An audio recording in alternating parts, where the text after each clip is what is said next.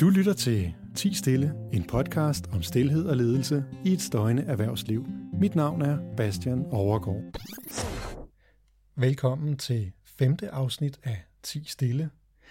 En klog mand sagde for nylig til mig, jo mere succes du får med dit stillhedsarbejde, jo mere viser det, hvor langt ud verden egentlig er kommet. Og det er i grunden sørgeligt, at virksomheder har brug for en som mig, for at lære at arbejde med noget så naturligt som stillhed. Men verden er blevet støjende og har fjernet sig fra det naturlige i stillheden. Så jeg har haft travlt. Så travlt, at der har været meget stillhed her på podcasten, og det beklager jeg. Derfor har det her interview, du skal høre nu, også ligget gemt rigtig længe. Men ligesom en god vin, så øh, går det jo ikke ud over kvaliteten. Du skal nemlig nu høre mit interview med Laura Storm. Jeg måtte interviewe hende efter at have set hendes TEDx, som hedder How Silence Can Lead Us to a More Sustainable World. Laura har arbejdet for en bedre verden hele sit liv. Hun er blandt andet øh, stifter og tidligere direktør i tænketanken Sustainia. Hun er udnævnt af World Economic Forum til Young Global Leader og Sustainability Expert. Hun er, jamen, hun har lavet så mange ting, at det, det Google hende. Men lige nu er hun i gang med, hun har en podcast, der hedder Cracks of Light, og så er hun co-founder af Regenerators, som blandt andet arbejder for at bringe mere medfølelse og natur og bæredygtighed ind i fremtidens ledelse. Men, ja, der er nemlig et men. Det der med stillhed har der ikke altid været så meget plads til i Lauras meget målrettet, travle liv. Lige indtil at en hjernerystelse tvang hende til at være meget stille i meget lang tid. Det er en meget stærk historie, og den kan du høre nu, når jeg nu stiller Laura Storm mine 10 spørgsmål om stillhed. Vi går i gang med spørgsmål nummer 1, selvfølgelig. Hvad tænker du, når du hører ordet stillhed? Så tænker jeg en oase. Så tænker jeg... Jamen, oase er faktisk et meget godt ord for mig, fordi det både er oaser i løbet af, af min dag, og det er noget, jeg længes efter, og det er ligesom blevet, blevet det begreb, hvor jeg går hen og henter min energi og tanker op.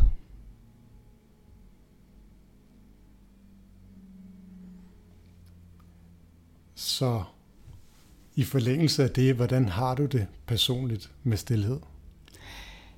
Jeg har fået det virkelig godt med stillhed, og det er, det er blevet så primalt nødvendigt for min trivsel og for min evne til at fungere som menneske. Øhm, men jeg har haft virkelig mange år, hvor jeg ikke har prioriteret stillhed på nogen måde nærmest. Øhm, men jeg har været igennem en proces de sidste to år, hvor jeg på mange måder har genfundet stillhed, fordi jeg husker tilbage i min barndom, at stillhed var utrolig vigtigt for mig. Øhm, hvis jeg havde været barn i dag, ville man nok have givet mig øhm, diagnosen eller betegnelsen særlig sensitiv, og jeg har altid været ret introvert. Så som barn var det helt naturligt for mig at lade op ude i naturen, eller ved at lukke mig ind på mit værelse. Og øhm, jeg foretrækker ofte at være alene i, i weekenderne, i stedet for at, at lege med mine klassekammerater og så videre. Så jeg har altid, da jeg var barn, været vant til, at stillhed ligesom var et rum for mig selv og min egen øhm, fantasi og min egen øh, ja, tanker og væren med mig selv, som jeg satte utrolig stor pris på. Men, øh, men da jeg blev ældre, øh, var der en side af mig, der begyndte at tage over og dominere mere og mere, som var den side, der handlede om at skabe resultater og opnå ting. Øhm, og da jeg øh, rimelig tidligt blev leder, øhm, så oplevede jeg bare, at jeg langsomt glemte at prioritere de her små oaser og de her åndehuller i løbet af dagen. Øhm, og også i min egen tid. Og, øhm, og jeg begyndte at negligere det, fordi at jeg havde så travlt, og jeg arbejdede med noget, jeg var fantastisk glad for og passioneret omkring, og som jeg mente var virkelig vigtigt for verden. Øhm, jeg har altid arbejdet på den ene eller den anden måde med, med en bæredygtig omstilling af vores samfund. Øhm, og det her med at tage tid til sig selv, har, var, var lidt ligesom sådan en, en luksus, som der ikke var tid til. Øhm, og specielt da jeg så blev, blev mor for lidt over fire år siden, så, øhm, så den stillhed, som jeg tidligere, inden jeg blev mor, måske kunne hente om aftenen eller i weekenden, var, var der lige pludselig overhovedet ikke. Så der var støj hele tiden.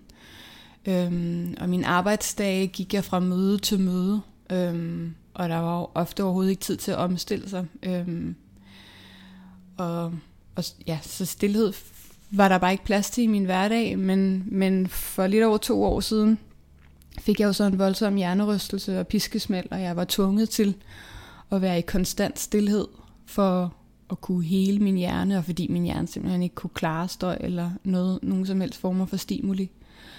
Så, øhm, så der blev jeg jo virkelig tvunget til at genfinde stillheden på en meget sådan voldsom, men også dyb måde. Øhm, og selvom det var enormt skræmmende med, med den voldsomme mængde stillhed, jeg var tvunget til, for det var jo ikke bare små pauser, det var konstant øhm, afbrudt af sådan afmålt tid med min, med min datter, fordi det første halvår kunne jeg næsten ingenting. Så altså var det, vi snakker helt døgnet, hvor du primært skulle være stille? Ja, altså jeg var, jeg, jeg var bare stille for mig selv. Øhm, og var sammen med hende i de første par måneder, var det, kunne, kunne jeg ikke mere end 10-15 minutter ad gangen. Så skulle jeg ind og hvile med mine høretelefoner på. Og hvile i en halv time, og så komme ud igen. Altså høretelefoner uden musik i? Ja, selvfølgelig. uh, noise cancelling headphones. Ja. Um, så stillheden var, kom lige pludselig ind i mit liv meget voldsomt fra den ene dag til den anden.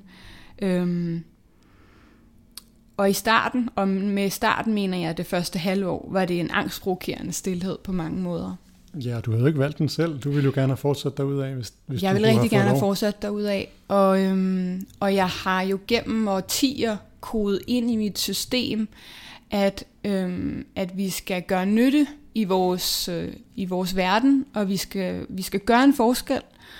Og, øhm, og det her med, at jeg bare følte mig som en grøntsag, der ikke kunne noget, Ja, for stillhed, det er jo ikke produktivt. Nej, det er det jo virkelig ikke. Øhm, men det var jo også fordi, det var en konstant stillhed. Det var jo ikke bare sådan en time her og en time der. Det var, det var konstant og uafbrudt i så mange måneder. Øhm, så, det var, så det var voldsomt angstprovokerende, og tog mig enormt lang tid, før jeg ligesom overgav mig til den på en positiv måde. Og begyndte at bruge den som min ven og som, og som min oase, hvor jeg kunne mærke, at min krop, da jeg gav slip for kontrollen omkring at ville styre mit healingsforløb, og gav slip og lod kroppen gøre sit arbejde ved at få ro, at så begyndte jeg at, at nyde den der stillhed. Kan du huske nogle af de første episoder, du havde, erindringer om, hvordan det var lige pludselig at nyde den stillhed, du var så havde så meget modstand på til at starte med? Ja, det, øh, det var øh, første gang, jeg tog væk på sådan et stille retræte, som... Øh, jeg, øh, jeg fik hjernerystelse i juli, og i december, der var der COP21 i Paris, som for mig, der altid arbejder med den her dagsorden, var et utroligt vigtigt event. Øh, kæmpestort. Og vi øh, havde en masse events dernede og i månederne op til, så jeg ville bare være der. Så fra juli til, til november var det meget en febrilsk kamp for at prøve at se, om ikke jeg kunne blive rask. Og jeg tror, jeg så 25 forskellige alternative læger og ting og sager for at kæmpe for at blive, blive, blive rask. Og i midten af november, sådan cirka 10 dage inden at COP21 starter i Paris, indser jeg, at det her kommer aldrig til at gå godt. Altså, du kan ikke, du, altså, turen ude i lufthavnen, altså bare de, de der 10 minutter i en taxa, vil du synes er voldsom. Selvfølgelig skal du ikke til Paris. Så der giver jeg fuldstændig op, og, øhm, og fortæller alle, at nej, det, altså, jeg kommer ikke til Paris, og jeg, jeg tror ikke, jeg kan noget de, de næste rigtig, rigtig mange måneder, så I hører ikke noget fra mig. Og så booker jeg i stedet for et stille retræte på, øhm, på fem dage ude i en skov, øhm, som, som, som meget symbolsk så starter samtidig med, med klimatopmødet i Paris. Mm. Og, øhm, og der er enormt meget sorg forbundet med, med, med at give op og give slip, men da jeg så er der og ligesom har givet slip og, og taget beslutningen, og den ikke kan gøres om, så finder jeg mig selv sidde, altså det var november måned, så det var ikke godt vejr, men, men i sådan en efterårs solstråle under et, øh, et træ, og det har lige regnet. Og øh, jeg sidder med ryggen op af det her træ og kigger ud over øh, en mark, jeg sidder i inden for enden af et skovbryn. Og trækker vejret og bare sådan helt lettet over, hvor skønt det er, at jeg de næste fem dage ikke skal kæmpe for at blive rask. Jeg skal ikke kæmpe for at være noget for nogen. Jeg skal bare være i den her stillhed. Øhm, så det er sådan et moment, der står enormt stærkt for mig. Fantastisk. Vi bliver jo nødt til at haste videre i den her verden, mm. hvor vi skal nå nogle ting. Så øh, fire spørgsmål. Ah, okay, så, okay det, der, var, der var jeg lige for hurtigt der. Tredje spørgsmål. Hvor oplever du stillhed i dit arbejdsliv? Og der må man jo så nok tilføje for dig, hvor, lever, hvor oplever du stillhed i dit arbejdsliv i dag? Mm. Ja, fordi før var, var, det, var det alt andet end stille, men i dag øhm, har jeg truffet den beslutning, at øhm, altså fordi da jeg, så snart jeg kunne begynde at, at arbejde igen, øhm, der, det stod klart for mig, at der var sket for meget med mig, og også med organisationen Sustainia, som jeg havde skabt, øhm, og det var på tide at ligesom gøre noget nyt. Øhm, så jeg forlod Sustainia for, for et år siden, og, øhm, og lovede mig selv, at, øhm, at jeg skulle opbygge et liv, som havde plads til de her oaser undervejs, øhm, og at de hele tiden var lige så vigtige som, som det at spise og sove. Og er det så lykkes? Ja. Øhm, jeg havde en oplevelse i foråret, i, nu er vi i slutningen af august, men, men så snart at jeg ligesom var i stand til at arbejde noget, der minder om 20-25 timer om, om ugen, så var min, min default jo lidt, at jeg skulle skabe en, en ny organisation. For det, det er sådan det, jeg har gjort, siden jeg startede på arbejdsmarkedet, eller siden jeg startede med at arbejde. Øhm, så det gik jeg i gang med. Og der kunne jeg mærke, at der var for meget, der var for mange rester af den gamle, øhm, ivrige, overarbejdende Laura tilbage. Det var simpelthen ikke det rette tidspunkt for mig at, øhm, at starte den proces endnu. Det er den ene ting. Den anden ting er, at, øhm, at, at jeg begyndte meget stærkt at føle, at der i virkeligheden i den her verden, hvis vi gerne vil skabe en bedre verden, er der ikke behov for, at flere opbygger katedraler og siloer og små slotte, de kan sidde på toppen af. Så måske skulle jeg give slip på det, og i højere grad se, hvordan kan jeg stille min kapacitet til rådighed på en måde, som hjælper projekter og initiativer, øhm, og også min egne, jeg sidder og skriver på en bog i øjeblikket, øhm, på en måde, hvor det ikke er egoet, der driver værket, men i, men, i, men i højere grad noget andet, noget udefinerbart, som jeg fandt i stillheden. Og derfor er stillhed blevet så øhm, centralt for den måde, jeg lever mit liv på, fordi det er hele tiden der, jeg finder ind til min egentlige mission i livet. Og det er der, jeg finder ind til mig. Det er der, jeg finder ind til idéer. Og det er der, jeg finder ind til roen omkring, at det er okay, jeg ikke starter en ny organisation lige nu og her. Hmm.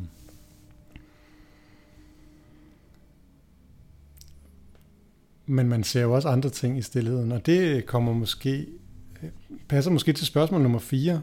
Hvorfor tror du, at der er så mange mennesker, som er bange for stillheden? Jeg ved, at folk er bange for stillheden, fordi det er sindssygt skræmmende at møde sig selv så råt, som man gør i stillheden. Og det var også det, jeg kæmpede imod de første mange måneder. Øhm, det var så voldsomt at møde sig selv så intenst over så lang tid, og jeg kunne ikke flygte hen til noget andet. Jeg kunne ikke flytte, kunne ikke tænde for Netflix eller øh, scrolle mit Instagram feed for at komme væk fra mig selv. Øhm, så det, det, at jeg blev tvunget til at sidde alene med mig selv gennem så lang tid, gjorde jo også, at der var en masse gammel skrammel og issues, så kom, så kom, som kom op i mig, som jeg blev nødt til ligesom at hilse på og dele med, stille og roligt.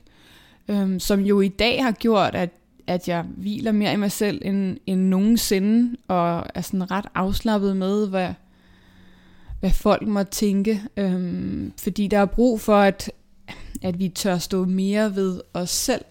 Men det er der skræmmende for folk, der skal inspireres til at turde møde stillheden, at de også møder nogle andre sider i sig selv, men det er samtidig også øhm, det, der er med til at skabe en kæmpe rigdom i, i dit liv.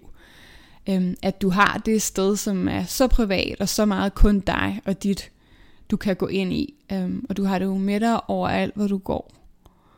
Men, øhm, men, men, men der er rigtig mange, der flygter fra det, og jeg tror, at den eneste måde, vi kommer, vi kommer omkring det på, er ved at fokusere på de mange fordele øhm, og den glæde, øhm, altså sågar lykke, der er ved at turde hvile sig ind i stillheden.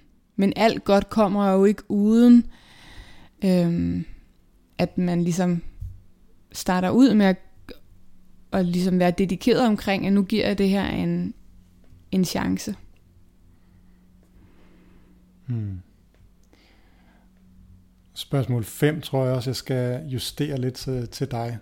For det er, kan du beskrive en dårlig oplevelse, du har haft med stillhed? Og der vil jeg gerne bede dig søge tilbage til, til dit liv, før du blev tvunget til at møde stillheden. Mm. øhm, det er lidt interessant, fordi øhm, jeg kan ikke huske præcis, hvornår det var. Det har nok været et halvt års tid inden, at, øhm, at jeg får hjernerystelsen, at jeg bliver involveret i et projekt, mega spændende projekt omkring, hvordan vi transformerer øh, den måde, vi rejser til pilgrimsbyer og selve pilgrimsbyerne øh, fra forskellige religioner over hele verden. Hvordan kan vi gøre det på en mere bæredygtig måde? Og det var et projekt, som involverede øh, altså religiøse ledere, men også arkitekter og altså alle i værdikæden, der ligesom skulle være inde over øh, og, se, og sikre, at det her det, det skete, var involveret. Og første gang vi mødtes øh, med sådan en større gruppe af stakeholders omkring det her møde, var, øh, var i marts måned, som, som jeg har min ulykke i juli måned. Mm. Og vi mødes på et, øh, på et kloster i Schweiz, og det bliver faciliteret på en fuldstændig anden måde, end jeg er vant til at facilitere møder på. Der er det sådan noget med, at man starter med, at man holder hinanden i hånden, når man er stille, og man bliver bedt om at tale fra hjertet i forhold til, hvorfor er man her egentlig, og, mm. øhm, og i starten var ligesom, okay, nu, ja, det er jo et lidt anderledes type projekt, og vi sidder her så mange forskellige religioner samlet, og nu bliver jeg nødt til ligesom bare lige at være åben.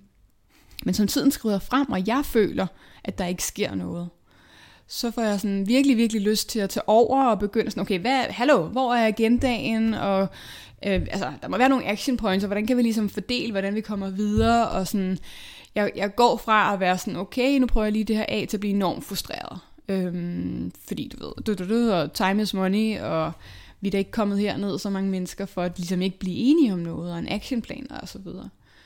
Øhm, men, men i løbet af de tre døgn, hvor vi er sammen, der når jeg både at have sådan en oplevelse af sådan, gud, hvor er det fedt at sidde her, og virkelig sådan få følelsen af at være en del af noget større, øhm, og have en samhørighed med de mennesker, der var til stede på en helt anden måde, end jeg plejer at have møder. Mm. Men der er bare også den anden del af mig, der, der synes, det er jo enormt ubehageligt. Og øhm, da jeg kommer hjem fra den oplevelse, der dagen efter, øhm, får jeg faktisk noget, der minder om et lille sammenbrud. Øhm, det, det var som om, at clashet mellem sådan øh, den intense stillhed og omsorgsfulde måde at være sammen på, med min meget maskuline måde at vise mig i verden på, og være projektleder, og ah, øh, ting skal, skal struktureres, og vi skal have en plan. At det var som om, der var sket et eller andet inde i mig, der havde, der havde været så voldsomt i løbet af de tre dage, at jeg, da jeg kommer hjem, intet kan dagen efter. Og jeg altså, bliver nødt til sådan virkelig hejse det hvide flag til min familie. Jeg var sådan, jeg kan ingenting. Det var som om, der var nogle ting, jeg skulle sidde og bearbejde, bearbejde igennem. Og jeg ender faktisk med at tage en uge fri.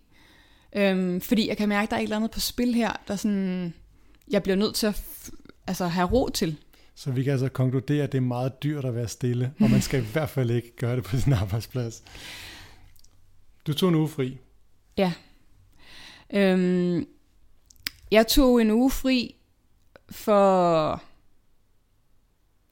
Og i dag er jeg ret sikker på, at det handlede om, at jeg kunne mærke, at jeg virkelig havde brug for noget mere stillhed. Øhm, og, at der var, og der var noget, der havde været inde og røre så dybt i mig i løbet af de tre dage, at jeg kunne, kunne mærke et dybt følt savn til den der stillhed. Og at jeg simpelthen ikke kunne overskue at være tilbage i mit lederjob og halse fra det ene møde til det andet. Så jeg trak stikket fuldstændig en uge. Og i den uge tænkte jeg meget over, hvordan jeg ligesom kunne indrette mig anderledes. Ikke? Øhm, jeg var jo stadig på det tidspunkt, altså vi som familie, relativt nye i det med både at have en familie og have en karriere. Øhm, vores datter var to, næsten to år på det tidspunkt, så hun havde været i, i institutionen i, i, i et lille års tid. Øhm, så er ligesom nogle ting, der skulle gøres på en helt anden måde. Men, øhm, men da jeg så med alle mine gode intentioner kom tilbage, var, var der bare stadig en mødekalender, der tog over. Så du kom hurtigt tilbage igen og fik skubbet stillen lidt i baggrunden? Ja. På det givende tidspunkt? Ja. Indtil du fik tvunget den ind over dig? Ja, det gjorde jeg så to-tre måneder senere. Ja, ja. Det er jo meget interessant, hvordan vi nogle gange får en tvungen udvikling, ja. når vi ikke selv tager skridtet. Men vi skal tage skridtet videre til spørgsmål nummer 6. Men inden da, skal vi så ikke lige nyde, at den der slamsuger eller renovationsvogn, den er væk. Så nu er der faktisk... Stille. Mm, nu er der stille. Og når vi nu bare lige har været stille her i ganske få sekunder, så vil jeg gerne spørge dig, hvad tænker du, der sker, når vi mennesker er stille sammen? Jeg kan kun tale for mig selv, men, men det, der er vigtigt, når man er stille sammen, er, at man ligesom lige er blevet enige om, at vi er stille sammen. Fordi jeg kan huske med det projekt, som jeg lige nævnte, mm. der øhm, første gang jeg var med til det, der var det ikke sådan rigtig aftalt. Der kom det sådan meget pludseligt, at nu vi, vi, vi er lige stille. Eller de, jeg tror, det var, øhm, jeg havde et formøde med fire af personerne inden, og de var så vant til at gøre det, så de gjorde det bare. Jeg synes, det var utrolig ubehageligt og grænseoverskridende, og jeg brød mig virkelig ikke om det. Øhm, men nu synes jeg, at det er en fantastisk måde at starte møder på og vende tilbage til. Men det er bare så utrolig vigtigt, at man lige skaber nogle rammer og bliver enige om, at det er sådan, vi gør det på. Og når man så oplever den stillhed sammen, øhm, hvis der er tid til at nævne et konkret eksempel, så, øhm, så var jeg for to-tre måneder siden på sådan, øh, vi var det var sådan nogle nonner, der, der hvert år faciliterer sådan et ophold, der hedder Call of Our Time, hvor de samler ledere fra hele verden, så det er CEOs og højesteretsdommer og NGO-ledere osv., til øh, fem dage sammen på et, øh, på et kloster i England. Og, øh, og de er sådan ret sådan tilfældigt udvalgt. Og, øh, og det var fascinerende at se, hvor hurtigt at vores gruppe, der kom fra så forskellige steder, miljøer og religioner osv. fra, hvordan vi blev enormt tæt bundet sammen i stillheden. Mm. Øhm, og at, vi, at, at der var lige pludselig ingen barriere for, hvad det var, vi sad og delte med hinanden. Og der var sådan en tillid og en omsorg til stede i det lokale, som var faciliteret meget, som jeg oplevede det, øhm, gennem stillheden. Og det var faktisk ret fascinerende at opleve. Jeg var jo fuldstændig vant til stillheden på det tidspunkt. Altså for det her, det her det er for nylig. Der havde jeg ligesom været igennem to års intensivt stille retreat. Mm. Øhm, så jeg havde det rigtig godt og afslappet i stillhed. Men jeg kunne se, at der var rigtig mange, der var ukomfortable med den i starten. Øhm, og hvordan de i løbet af de dage, vi var sammen, gik fra at være anspændte og lidt nervøse til at slappe fuldstændig af og til at lyse op. Og øhm, der var en højesteretsdommer fra Brasilien, som første gang, at vi skulle være stille med os selv, og der var sådan indlagt tre timer stillhed her og der, hvor man øh, ikke skulle læse eller noget som helst, men hvor man bare skulle være med sig selv, eller man kunne gå en tur i den nærliggende park. Mm. Øhm, og han beskrev med tårer og øjnene, da han kom tilbage første gang, han havde været stille med sig selv. Øhm, altså han kunne næsten ikke få ordene fortalt, fordi han var så, så rørt, at, øhm, at jeg har lige indset, altså det han siger han på engelsk, men jeg har lige indset, at jeg har all the money in the world, øhm, men jeg har aldrig tilladt mig selv den luksus, det er at være stille med mig selv. Og, øh, og så hans, sid, hans sidemand tog sig over og sagde, øhm, der var sådan en kæmpe fantastisk gynge ude i den her park, og han har været 60 eller sådan noget, han siger, og, og, og jeg er helt enig, jeg har det på samme måde. Og jeg har lige været ude og gynge for første gang i 50 år. Altså, det lige pludselig gik fra at være de her meget seriøse forretningsfolk, der ligesom havde deres facade, til den der facade sådan blev brudt op, og de mødte hinanden og snakkede med hinanden på en helt anden måde. Og, øhm, og der kom sådan en leg og en kreativitet og sådan en, en, øh, hvad hedder sådan noget, en glæde i rummet på en helt anden måde, end jeg nogensinde har oplevet til andre møder. Jamen, det er så fantastisk, og det, det er fuldstændig det, jeg oplever også, når jeg bruger det som faciliteringsværktøj. Altså, det er jo den vildeste teambuilding, mm. øh, det vildeste teambuilding-værktøj. Øh, og jeg oplever også det der med, at folk de, de løsner op og bliver faktisk lidt sådan lidt som børn også ja, på præcis. en måde. Øh, og også meget ældre og meget seriøse mennesker, øh, uden at man har i talsat det. Det synes jeg jo er super stærkt, frem for alle mulige andre hvad kan man sige, metoder og øvelser, hvor man skal tvinges til at gøre et eller andet grænseoverskridende, jamen så kommer man selv til at flytte sine grænser mm. i stillheden. Mm. Fordi det kommer ud fra en styrke. Altså det kommer ud fra en naturlighed. Det er det, jeg oplever, så det synes jeg, det hører jeg i, i din historie der. Ja, helt sikkert. Det er en fantastisk historie. Tak for den. Men vi skal jo haste videre. Stille og roligt. Stille og roligt skal vi haste videre og producere nogle flere svar. Vi er kommet til spørgsmål nummer syv hvordan kan stillhed blive en del af en arbejdskultur, hvis du skulle have lov at bestemme? Jamen, altså, jeg har jo virkelig, virkelig tænkt meget over, hvordan min nye organisations domicil skulle indrettes, inden jeg, inden jeg besluttede, at det var forbudt for mig at skabe organisationer et stykke tid, og jeg hellere skulle hjælpe andre organisationer. øhm, men på mange måder er det jo sindssygt simpelt, hvordan vi kan få flettet lidt stillhed ind i vores dagligdag.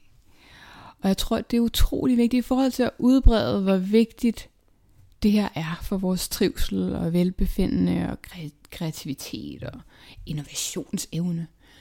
Øhm, at vi gør det sindssygt simpelt, fordi det er ikke andet, end at vi beslutter, at vi starter alle møder med et minut stillhed – og det handler jo også om, altså sådan, vi kender jo alle sammen den hektiske stemning, der kan være i starten af et møde. Sådan, øh, mm. Børge skal lige ud og hente noget i printeren, og ej, tager du ikke lige en kop kaffe med til mig? Og, dø, dø, dø, og folk kommer lidt for sent og drøbende ind, og mødelederen prøver at starte det der møde. Der er sådan en hektisk energi.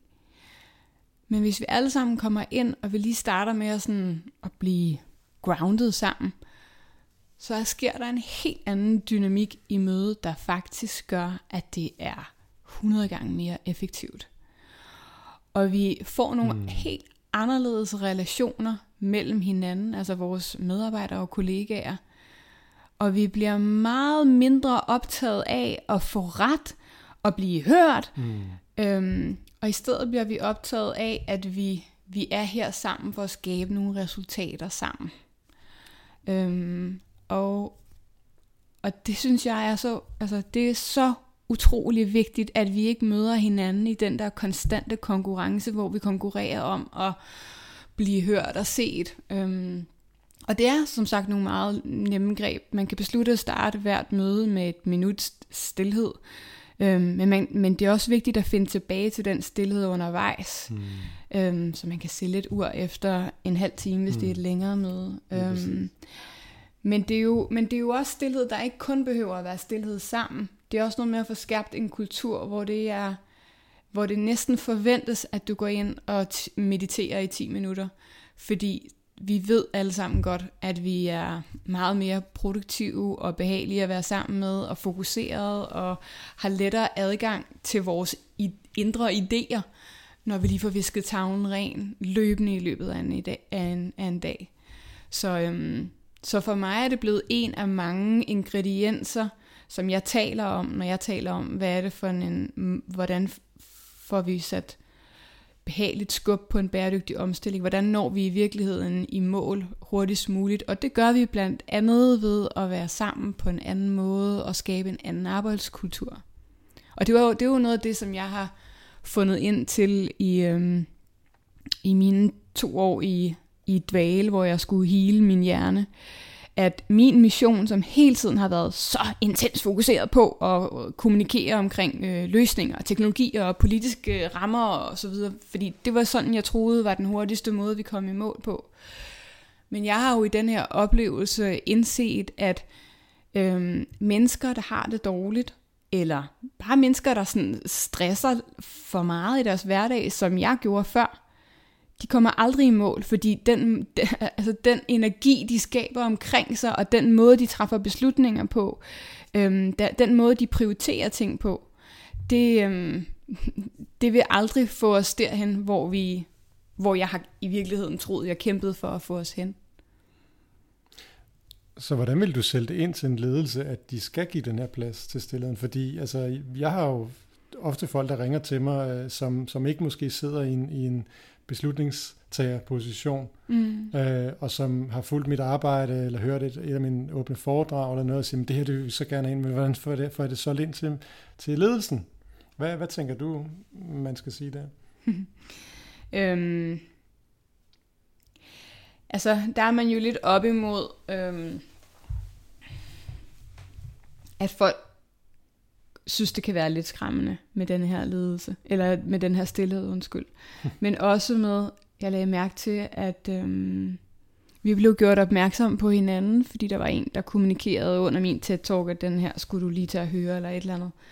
Mm. Øhm, og så var jeg over på din LinkedIn-profil og så nogle af de opslag, du havde lavet, hvor der var en, der kommunikerede, at det her for noget, og det næste nye bliver vel, at vi skriver bøger, uden der står noget i. Høhø. Mm-hmm. Altså, der er meget sådan en, åh, kult, altså sådan, latterliggørende øhm, retorik omkring det, som mm. kan være svært at bryde med, hvis ledelsen ikke selv har oplevet, øhm, hvad det er for en, en dybde og indre harmoni og interrelationel harmoni, man kan opnå i stillheden. Men, men det jeg prøver at fokusere på, når jeg taler med folk, og jeg, for mig er, det, er, er, er stillhed og meditation og sådan, det er jo at få nogle af de faktorer tal på bordet, ikke? Altså, hvor, hvor meget kan vi mindske syge fra? Hvor meget kan vi spare på, at folk ikke går ned med stress? Hvor meget kan vi øge arbejdsglæden, fordi man føler, at man selv er en federe person på sin arbejdsplads, men man synes også, at ens kollegaer er federe. Øhm, og for ikke at sige alle de idéer, og altså i den tid, vi går i møder, og den vi er i allerede nu, der altså innovation og kreativitet har aldrig været vigtige, og vi bliver simpelthen nødt til på ledelsesplan at fatte, at vi må skabe nogle rammer, der øger vores trivsel. Fordi stressede mennesker, der har en pistol for panden, de kan ikke innovere eller være kreative. Der går, der, der går noget andet. Øhm, øh, det er nogle andre dynamikker, der tager over for dem, som skader virksomheden på en måde, som vi er ved at få øjnene op for. Øhm, så jeg vil fokusere på, på hardcore data, men, men allerhelst vil det jo være fedt, hvis vi kunne give mange ledelser oplevelsen af, hvad der sker med dig, når du får lov til at være stille. Tak. Spørgsmål nummer 9. Det her med stillhed som ledelsesværktøj. Er vi bare ved at skabe et populistisk modbegreb, eller er det kommet for at blive? Det er kommet fra, for at blive. Øhm, det er jeg helt overbevist om. Og der sker så meget for tiden i forhold til at flere og flere får øjnene op på forskellige måder. Ofte desværre kan man sige via en eller anden form for traume, ligesom det var tilfældet i min egen situation, hvor vi oplever, at vi er nødt til at finde ind, ind til vores egen kerne, vores egne ressourcer, og at vi har øhm, altså immens overflod af dem, hvis vi tør øh, lukke verden lidt ude og finde ind til os selv. Og i en, i en verden med så meget og, og stadig stigende ekstern stimuli fra alt omkring os, øh, vil det være endnu mere vigtigt. Og jeg tror, at altså jeg er overbevist om, at det er noget, der er ved at skabe så stor sådan genklang omkring for folk, fordi det er så ekstremt, hvad vi bliver udsat for ude i den virkelige verden, at folk øh, vil, vil have et ekstremt behov for stillhed. Og det er jo, det er jo i virkeligheden, synes jeg, at vi ser, øh, og, det kan, og det kan også godt være, at jeg ser det, fordi det er den udvikling, jeg gerne selv vil være med til at skabe, men alt det her med at finde ind til, altså finde, finde ud i naturen igen, og indse, at vi, øh, vi er en dyreart, der svæver rundt på en jordklode i universet, og vi er så tæt forbundet med, med naturen, men vi har ligesom sådan afskåret os fuldstændig fra den. Øhm, hvad, hvad har det egentlig at sige? Ikke? Der, begy- altså, der er flere og flere læger, der begynder at bruge begrebet nature deficiency, som at man kan have vitaminmangel, kan man også have naturmangel, fordi det er så vigtigt for vores, for vores velbefindende, og der er stillhed en del af det. Altså, mm, stillhedsmangel. Ja. Så det bringer os jo til sidste spørgsmål. Og det har været fantastisk indtil videre at tale med dig. Så nu glæder jeg mig meget til, fordi det, det, det, det er måske det allervigtigste spørgsmål. Det er det allervigtigste spørgsmål. Nej, jeg synes, der, vi har, du har sagt sådan nogle fantastiske ting. Jeg håber virkelig, at, at øh, dem, der lytter med derude, de bliver inspireret af din rejse, din historie. Fra øh, sådan en af de der irriterende typer, som ikke kan holde ud af at være i stillheden og tror, at de skal producere hele tiden til at forstå øh, behovet for, for de her mellemrum. Men jeg tror meget, det har været netop den der sådan angst for, hvad hvis man giver slip og gør noget andet, så får vi... Kom, altså, jeg har været så fokuseret på, at vi skal skabe en bæredygtig verden, og vi har sindssygt travlt, fordi vandstandene stiger og klimaforandrer, lalala. vi skal arbejde non-stop. Øhm, og jeg har kunnet nærmest blive irriteret, hvis jeg synes, at altså, ej, nu sidder I der i solen igen og spiser frokost. Altså kom nu, vi har faktisk, der, er, der er en verden, der skal reddes. Og den, og jeg tror, der er rigtig, rigtig mange af sådan nogen som mig, der arbejder med den her dagsorden, der går til den på præcis samme måde. Så nu prøver jeg at gøre alt, hvad jeg kan for at fortælle, hey venner, altså passion og lidenskab og at have en mission i livet er fantastisk skønt og dejligt og vigtigt. Men hvis ikke vi gør det på en balanceret måde i harmoni for med os selv og med vores omverden, så kommer der hele tiden støj på linjen. Mm. Øhm, og det, det tror og håber jeg, at der er langsomt er flere, der er ved at finde ud af, at de gør voldsom skade på sig selv og deres omverden, mm. hvis ikke at de finder ind til en anden måde at være i verden på. Ja. Så hvad kan stillhed, som intet andet kan?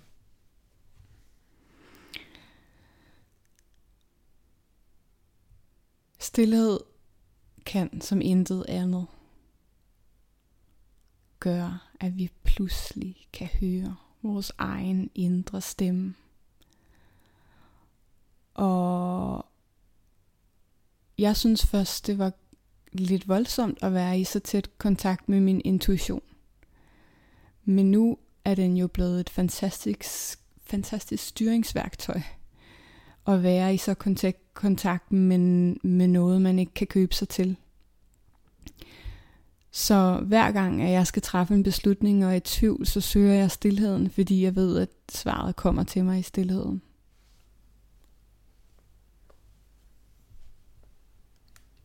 Tusind tak, Laura Storm, fordi jeg måtte tale med dig.